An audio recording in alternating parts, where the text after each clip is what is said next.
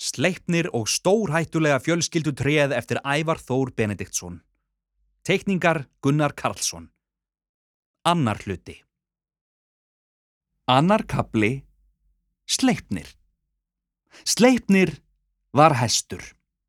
Ungir ótamdir hestar kallast trippi og það var svo sannlega það sem Sleipnir var á þessari stundu. Ótamið trippi. Dagskrá Sleipnis var oftast svo sama á hverjum einasta degi. Rölda um áskarð, býta gras og stundum naga hús sem var aldrei vinsælt og leggja sig. Það fyldist aldrei neitt með honum og þess vegna mátti Sleipnir eiginlega gera allt sem hann vildi. Nema kúka nálagt valhöll. Það var stránglega bannað og gildi um menn, jamt sem dýr.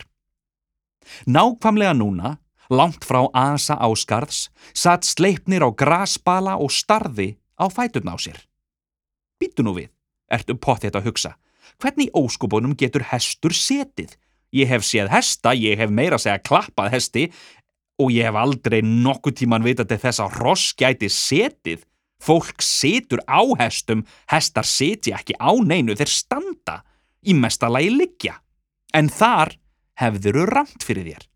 Sleipnir var nefnilega ekki eins og flest önnur hross. Í fyrsta lagi gatan setið. Við höfum nú þegar sannaða með því að segja frá því. Það leit reyndar fáránlega út en hann gata engu að síður. Það var fyrir helbera tilviljun að Sleipnir fattaði að hann gæti setið. Dag nokkur hafði hann brokkað töllt og röllt um allan áskarð, var þreyttur, sá grasbala og áður hann að vissi af hafði hann tilt sér, bara sí svona. Upp frá því nýtt hann hvert tækifæri til að setjast á stóra mjúkan rassinn og njóta sín. Hefðir þú verið á gangi og séð hrossið sleipni þar sem hann satt, hefður samt ekki hugsað, vá, þann er sitjandi hross, því það var nefnilega svo litið annað við sleipni sem var jáfnvel enn skrítnara. Þú myndir að öllum líkindum frekar hugsa, vá, þetta hross er með grunnsamlega marga fætur. Sum dýr, til dæmis fiskar, hafa enga fætur. Getur ímyndaðir hvað að vera skrýta að mæta gangandi fiski? Önnur dýr, eins og við mannfólkið, eru með tvo fætur. En önnur dýr, til að mynda kettir, hundar og flestir hestar, hafa fjóra fætur. Sleipnir var hins vegar með mun fleiri fætur. Fleir en fjóra, fleir en sex, sleipnir var með átta fætur. Jepp, átta. Ef þú ert hestur er það alveg fjórum fótum of mikið. En til að byrja með fannst sleipniða bara fínt. Hann held þetta ætti að vera svona. Hann hafði séð aðra hesta í áskarði sem allir voru fjórfættir en spáði ekkit mikið í þá. Hann var of upptekinn við að rölda um, geta og sofa. Sleipnir var oftast einstaklega rest ross. Alveg þanga til í gær. Í gær hafða nefnilega verið á léttu tölti um áskarð þegar hann mætti hópi af einherjum á leiðinni heim eftir blóðug slagsmál. Eitt er að var meira að segja enn með sverð í gegnum sér miðjan en var samt skæl brosandi. Um leið og kapparnir sáu sleipni snar stoppuðu þeir og tóku að glotta. Þeir stóðu smá spöl frá hestinum og fyldust forvitnir með honum tölta. Þarna er hann, sagði eitt þeirra sem var svo sannarlega stæstur og ljótastur af þeim öllum. Þessi sem ég var að tala um, sjáiði skrýpið. Hinnir hlóu. Sá með sverði í gegnum sem miðjan reyndi að hlæja en það gekk illa. Hann var komin með gata á annað lungað en glotti bara þeimun meira. Sleipnir heyrði vel í einherjónum þóttir væru spölkort í burtu og hæði á sér. Hvað voru þeir að tala um? Þó svo hann kynni ekki sjálfur að tala, hann var auðvitað hestur, þá skildan aðrar dýrategundir ágætlega og þessir misfríðu herramenn vöktu hjá honum forvitni. Hann nam staðar. Hvað var skrýpi? Hann hafði aldrei heyrt þetta orð áður. Stóri og ljóti einherjin benti á fætuna á sleipni og hló enn meira. Ekki detta, kallaði hann til hestsins. Flækjufótur, bætt hann við. Hópurinn flissaði og allt í einu fann sleipnir fyrir furðulegri tilfinningu í maganum. Hann hafði oft verið með allskynns tilfinningar í maganum, oftast matartengdar eins og þegar hann átt yfir sig af grasi og varð ílt, en þessi var allt öðruvísi. Sleipnir skammaðist sín. Það var ríkalega óþægileg tilfinning. Hann vissi ekki hvers vegna honum leið svona, en hann vissi að eitthvað var ekki eins og það átti að vera. Einherja fylkingin marseraði aftur af stað og nálgaði sleipni þar sem hann stóð. Hann vildi ekki hlaupa í burtus og gunga. Þessi stað leitan undan og þóttist verða að býta gras. Einherjarnir gengu að honum. Sjáan, másaði einherjin sem hafi verið rekin í gegn um leið og hann arkaði fram hjá hestinum. Ógeðslegar þessar aukalappir, alveg fjórum of mikið. Hinn er hlóu. Annar einherji virti sleipni fyrir sér og glotti.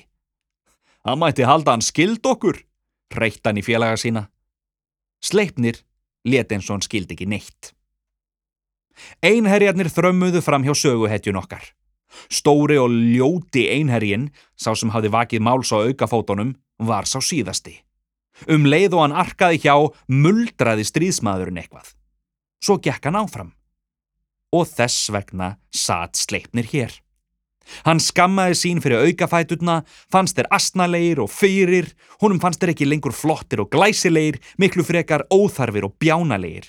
En þó að fæturnir trubluðan var það sem síðast í einherjin kvíslaði samt enn furðulegra og í raun aðal ástæðin fyrir því að sleipnir satt nú og hugsaði. Þú ert þó heppin, hafði einherjin kvæst og flissað. Þú ættir að sjá sískinni þín. Svo marseraðan á eftir félögum sínum og skildi hrossið eitt eftir. Sleipnir neggjaði látt þegar hann hugsaði tilbaka. Hvaða sískinni? Þriðjikabli Embla Sleipnir hafði aldrei hugsað til þess að hann geti hugsanlega átt sískinni. Hann var hestur, það vissan og honum fannst það einhvern veginn bara vera nóg. Þurft hann að vita eitthvað meira? Hann átt gras og æfði sér í tölti þegar hann endi því. Ef hann var þreyttur lagðan sig og þegar hann hafði sofið nóg, vaknaðan. Hann hafði aldrei hugsað út í það hvaðan hann kæmi. Hann myndi ekki eftir mömmunsen og pappa hvað þá einhverjum sískinum. Þar sem hann satt og gónd út í loftið, krist hann aftur augun og reyndi að hugsa eins langt aftur og hann mögulega gatt. Fyrst kom ekkert, en svo virtist einhvers konar grasbali koma í ljós og rött, kunnuleg rött, hún var hrjúf og ákveðin. Hvað hefurðu gert? sagði eigandi rattarinnar. Hónu var greinilega mikið niðri fyrir. Sleipni reyndi að einbeita sér enn betur til að reyna að sjá hver væri að tala, en það gekk ekki. Hvað er þetta að gera? saði kvell rött skindilega. Sleipni döð brá. Ósjálfrátt sprattan á fætur, neggjaði ægilega og var næstum tekin til við að sparka út í loftið. Fyrir framannan stóð stelpa. Hún hreyfði sig ekki, heldur stóð skælbrósandi rétt hjá honum og fyldist með látunum eins og ekkert væri eðlilegra. Sleipnir náði að róa sig, frísaði ægilega, sem er það sem hestar gera þegar þeir blása lofti út um nefið á sér, og starði á stelpuna. Hann hafði aldrei séð hana áður. Hún var lítil og grönn með svart sítt hár. Hún brosti. Það vantaði í hana nokkrar tennur. Afsakaðu, sagði hún, ég ætlaði ekki að láta það bregða, ég sá því í fjarska og ákvaða að heilsa upp á þig. Sleipnir krafsaði í grasið með tveimur framlöpum og pýrði augun framann í hana. Hún brosti enn breyðar. Ég heiti Embla, ég er nýfluttingað, sagði hún. Ég er frænka þjálfa á röskvu. Hún bent út í loftið aftur í áttinað áskarði. Þau sem eru alltaf að hjálpa Þór. Sleipnir kinkaði kolli. Og þú, helt hún áfram og leitt örsnögt á fæturna á hrossinu. Ert Sleipnir? Ég hef heyrt sögur að þér. Sleipnir kiftist við. Hann vissi ekki alveg hvað hann fannst um það. Embla sá um leið að hún hafi talað af sér. Nei, nei, nei, sagði hún og lifti upp báðum höndum. Ekki slæmarsögur, bara sögur að þú væri til og að þú væri með, og svo tald hún í huganum, áttafætur, sað hún loks. Sleipnir leitt skömmustulegur undan. Embla skausti hliðar svo hún sæja aftur framann í hann. Þa, það er samt allt í lægi, sað hún ánöð. Þú ert með marga fætur, ég er með fáar tennur. Og svo opna hún munnin upp á gátt og bendi. Sleipnir bakkaði ósjálfrátt. Hann var ekki vanurði að fólk var að gapa framann í sig. Ha-anda a-a-ja-hem, saði Embla hátt og lokaði svo munninum. Sleipnir starði á hana, hann hafði ekki skilið orð. Það vantar alveg fjórar eða fimm, endur tók hún ánægð, í þetta skiptið skiljanlega. Ég er búin að býða svakalega lengi eftir fullorðustönnunum en þær virðast bara ekki alltaf koma. Allar vinkonu mínar eru lungu komnar með sínar, ég veit satt best að segja ekki hvað er að mér. Einhverja hluta vegna leið sleipni örlíti betur við þessar fréttir. Hann fekk sér smá grasa jeta og leitt svo emblu. Hún stóð skamt frá og fyldist spennt með honum. Hann vissi ekki alveg hvað hann átt að gera. Af hverju ertu hérna? spurði hún spennt. Hann sett upp skrítin svip. Hvers vegna var hún að spyrja? Það var ekki eins og hann geti svarað, hann var hestur. Ég veit alveg hvað þú ert að hugsa, sagði hún og gekk til hans. Þú ert örgla að hugsa, hvers vegna er hún að spyrja, það er ekki eins og ég geti svarað, ég er hestur. Sleipnir starði forviða á emblu. Gat hún lesiðu hugsanir? Engar áhyggjur, sagði hún og brosti svo skeini þessar fáu tennur. Ég get ekki lesið hugsanir. Sleipnir var ekki sannfærður. Hann neggjaði hátt og náði sér í annan grasbytta. Ég sé það bara á þér. Bætti embla við, sleit nokkur strá, stakk þeim upp í sig og byrjaði að tyggja. Ói, sagði hún og skyrti grasinu út úr sér. Hvernig getur eiginlega að borða þetta? Sleipnir hugsaði málið á meðan hann tugði. Hann hafði bara aldrei velti fyrir sér hvers vegna hann borðaði gras. Hann hafði bara alltaf gert það. Var eitthvað annað í bóði? Ég var bara á röldi, sáði sitja hér einan í magindum og hugsaði mig sjálfur mér, hér er ross sem þarf á hugreisningu að halda. Tilkynnti Embla spennt og brosti svo blít að Sleipnir hafði aldrei séð annað eins. Og það er ekki til betri leið til að ressa sig við, hjælt hún áfram, en að lenda í ævintýri. Sleipnir starði á hana. Hann var engan veginn tilbúin að takast á við ævintýri. Jú, látt ekki svona, hjælt Embla áfram og tók að valhoppa í kringum Sleipni eins og hann var í miðjan á hringegju. Ég sé að þú ert að velta einhverju svakalega svakalegu fyrir þér og ég þekki snar göldróta konu sem geti sagt þér allt sem þú þart að vita.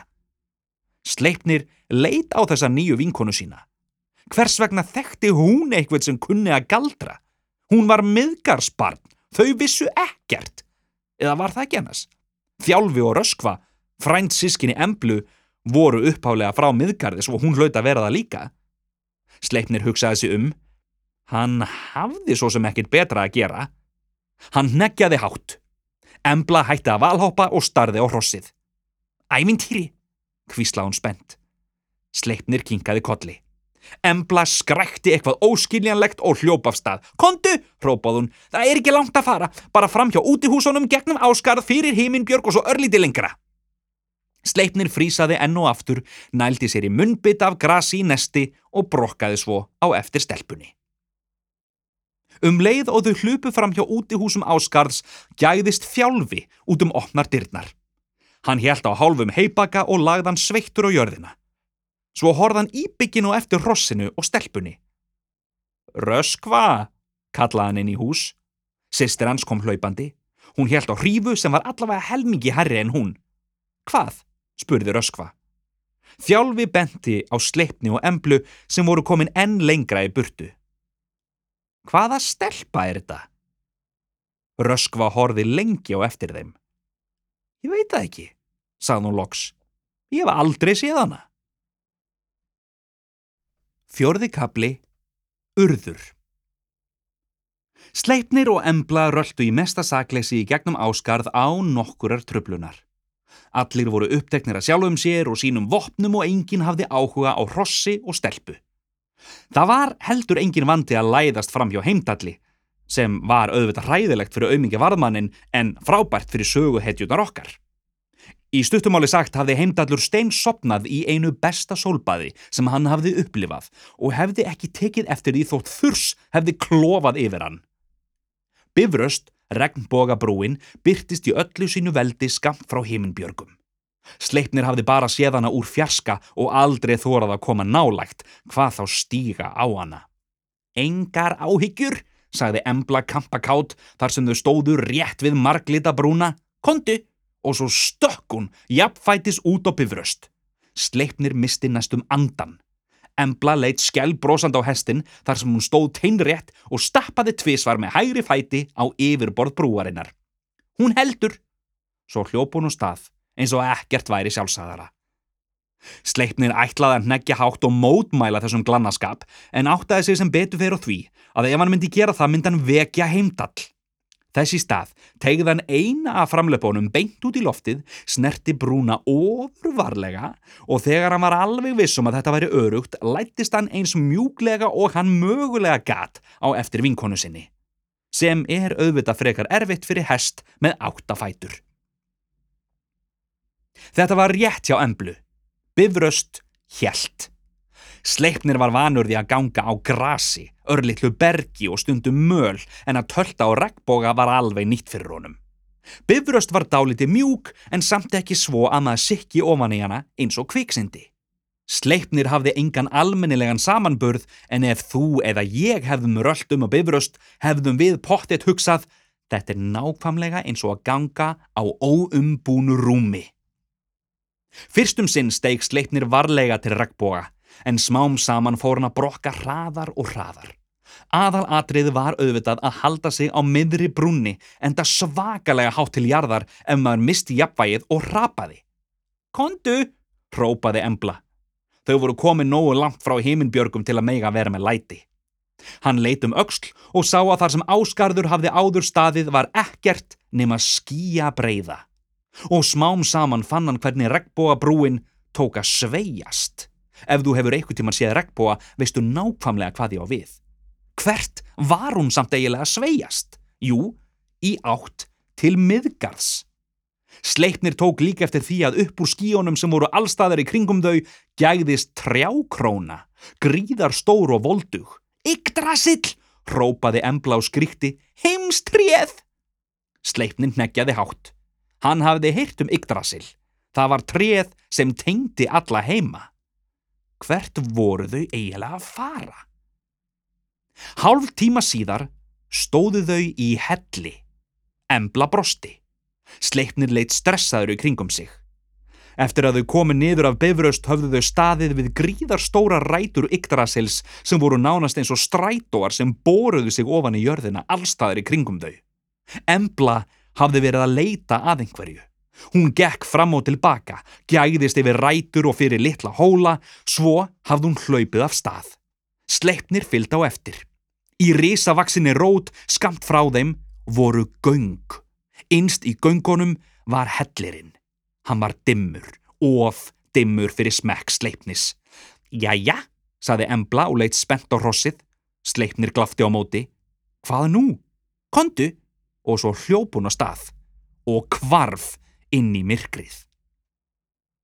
Sleipnir var ekki myrkfælið hross.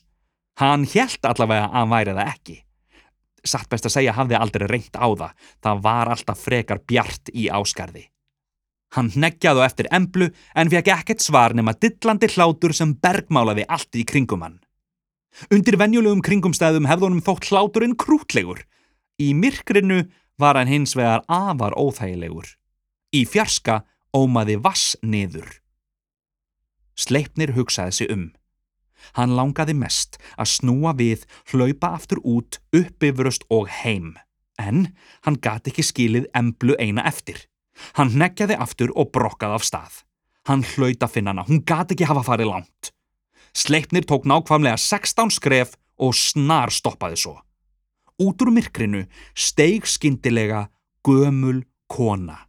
Hún var svo veðruð í framann að það var nánast eins og andlitið var í skorið út úr viði. Hún held á stórum, logandi lurki. Kondu sæl, sleipnir, sagði konan rámum rómi. Ég er urður. Þú skal hlusta vel á það sem ég hef að segja. Annars fer illa fyrir þér. Sleipnir neggjaði látt. Jú, Víst, svarað hún. Fymti kapli, Saga urðar. Komdu með mér, tautaði gamla konan og gekk inn í myrkrið. Sleipnir eldi. Embla hlita vera hérna einhverstaðar, hún gati ekki hafa komist langt. Engar áhyggjur, malaði urður og sparkaði í steinvölu sem hafði gert þau reygin mistök að þvælast fyrir henni. Hún flaugin í myrkrið og skall í hörðum hellisvegnum. Höggið bergmálaði. Stelpan hittir þig eftir spjallið. Sleipnir frísaði út í loftið. Þetta var önnur manneskjan sem hann hitti í dag sem virtist geta lesið hugsanir. Hægt og rólega byrti til. Það glitti í einhvers konar ljós við enda gangana og vassniðurinn varð sífelt greinilegri. Loks opnaðist hellirinn á mótiðim og við blasti, risastór brunnur. Sleipnir leit upp í loftið. Langt fyrir ofan þau var gat í hellisloftinu og þaðan mátti sjá dagspyrtuna gera heiðarlega tilraun til að láta ljósitt skína. Urðarbrunnur, tilkynnti urður og breytti montin úr sér. Brunnurinn minn. Sistur mínar verðandi og skuld eiga enga brunna, bara ég. Svo glott hún ægilega. Sleipnir sá að allar tennurnar í munnunum á henni voru farnar, fyrir utan tvær sem voru eins langt í burtu hvor frá annari og mögulegt var. Þær er að vögva ræturnar á trénu, það má ekki drepast, sagði hún og vakkaði að brúnum brunnsins. Þar tilt hún sér með herkjum og dæsti. Ah, svona, nú getur við spjallað. Sleipnir röldi á áttafótum að brunninum og leitt varlega ofan í hann. Hann var djúpur, svo djúpur að ekki sá til bots. Tinnu svart vatnið guttlaði í róliheitum og skall reglulega utan í brunnvekkina. Ansi flottur, ekki satt? Spurði gamla konan. Sleipnin neggjaði til samþykkis. Svo leita hann á hana. Hann hafði komið ynga til að fá sögu. Þú komst hingað til að fá sögu, sagði urður og klóraði sér í öðru eiranu. Sleipnir neggjaði látt. Og hana skaltu fá, tilkynnti kerlingin og glotti. Svo leit hún djúft í augun á honum. Hefurðu eitthvað tíman veldi fyrir þér hvaðan þú kemur? Þetta var stór spurning, í raun stærsta spurning sem Sleipnir hafði nokkuð tíman fengið. Flestar spurningar sem hann hafði glýmt við á lífsleiðinni tengdust á eitthvað hátt spurningunni Hei, hver á hann á rossaskýt? Og í beinu framhaldi forðaði hann sér alltaf á stökki. Hann vissi að það var ekki bóði núna. Hann hristi höfuðið, gamla konan leit undan. Þessi saga er einstök, sagði hún, og ekki allra. Sleipnir skildi ekki neitt. Fadir þinn var mikill stóðhestur, hjælt hún áfram. Hann hétt Svaðilfari. Sleipnir kinkaði kolli sáttur. Sleipnir Svaðilfarason hljómaði fáránlega vel. Hvers vegna var að urður svona feimin við að segja þessa sögu? Hann brosti með sjálfum sér. Hver allir mammans hafi verið? Örglega verðlauna hrissa, stórglæsileg og stórkostleg. Gamla konan andvarpaði þungt. Fyrir langa lungu þurft að endurbyggja borgarvekkin í kringum áskarð. Sleipnir sá volduan vekkin fyrir sér. Hann hafði oft brokkað meðfram honum. Loki hins slóttugi réð rísa til verksins því þrumuguðin Þór var vant við látin og í för með rísanum var svaðilfari. Sleipnir frísaði. Alltaf komu Loki við sögu, alltaf þurfti hann að flækja allt, jáfnvel einföldustu hluti. Hvernig skild hann eiðilegja þessa sögu? Sleipnir krafsaði pyrraður í hellisgólfið. Urður hjælt áfram. En risin vann auðvitað ekki ókeipis og borgarvekkurinn verður að vera tröstur, varnir áskarðs verða að halda.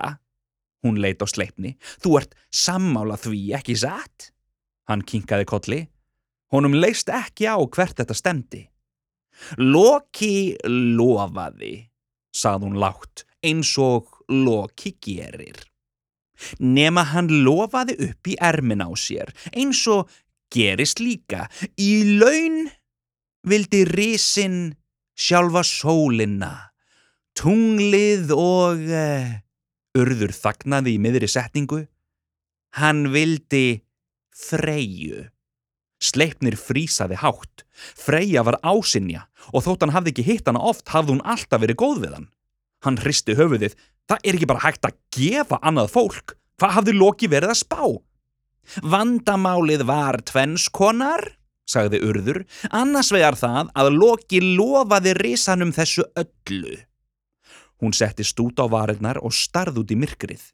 Hitt vandamálið var að hann sagði engum öðrum frá því. Sleipnir neggjaði látt. Þetta var svo sannarlega tví skipta vandamál. Urður andvarpaði. Það guttlaði urðarbrunni, sleipnir þagði þólinnmóður. Svo leið og beið, helt hún loks áfram. Vekkurinn var reistur, stórglæsilegur og svo þursa heldur að annað eins hefur varla sérst og loks var komið að skuldadögum. Hún dæsti. Þegar goðin komust að því hverju Loki hefði lofað voru þau vægast sagt ekki sátt. Hún leit á sleipni og þú getur rétt ímyndað þér hvort Freyja hafi verið ánað með þetta. Sleipnir frísaði, urður kinkaði kolli. Hún varð brjáluð. Öskraði og efti, Þór var næstum því búin að binda loka við mjölni og hreinlega kast honum út í buskan. Sleipnir glotti, það hefði verið mátulegt á hann. Bölvað óbermið. Þannig að Loki varð að finna lausn. Hún leit á sleipni og brosti út í annað, sem hann og gerði. Svo hætti hún að tala. Sleipnir fetaði sig varlega að henni og ítti laust við henni með hausnum.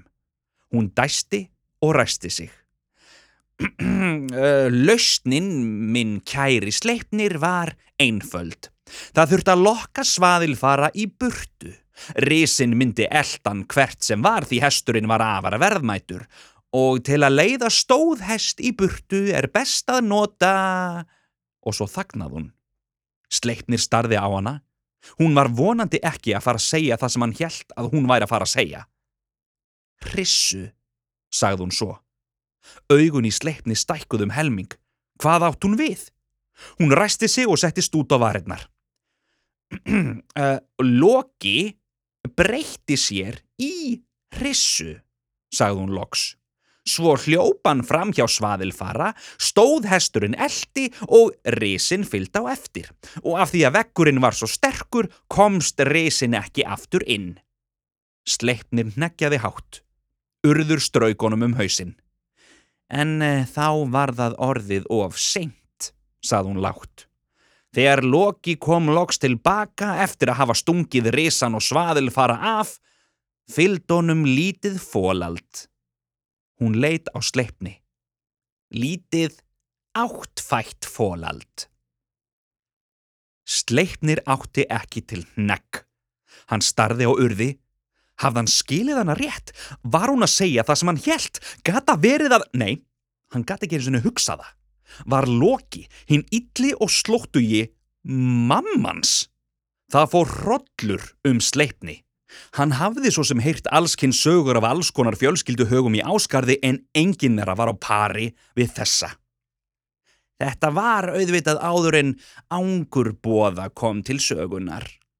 Sleipni hristi hausinn, hver var ángurbóða?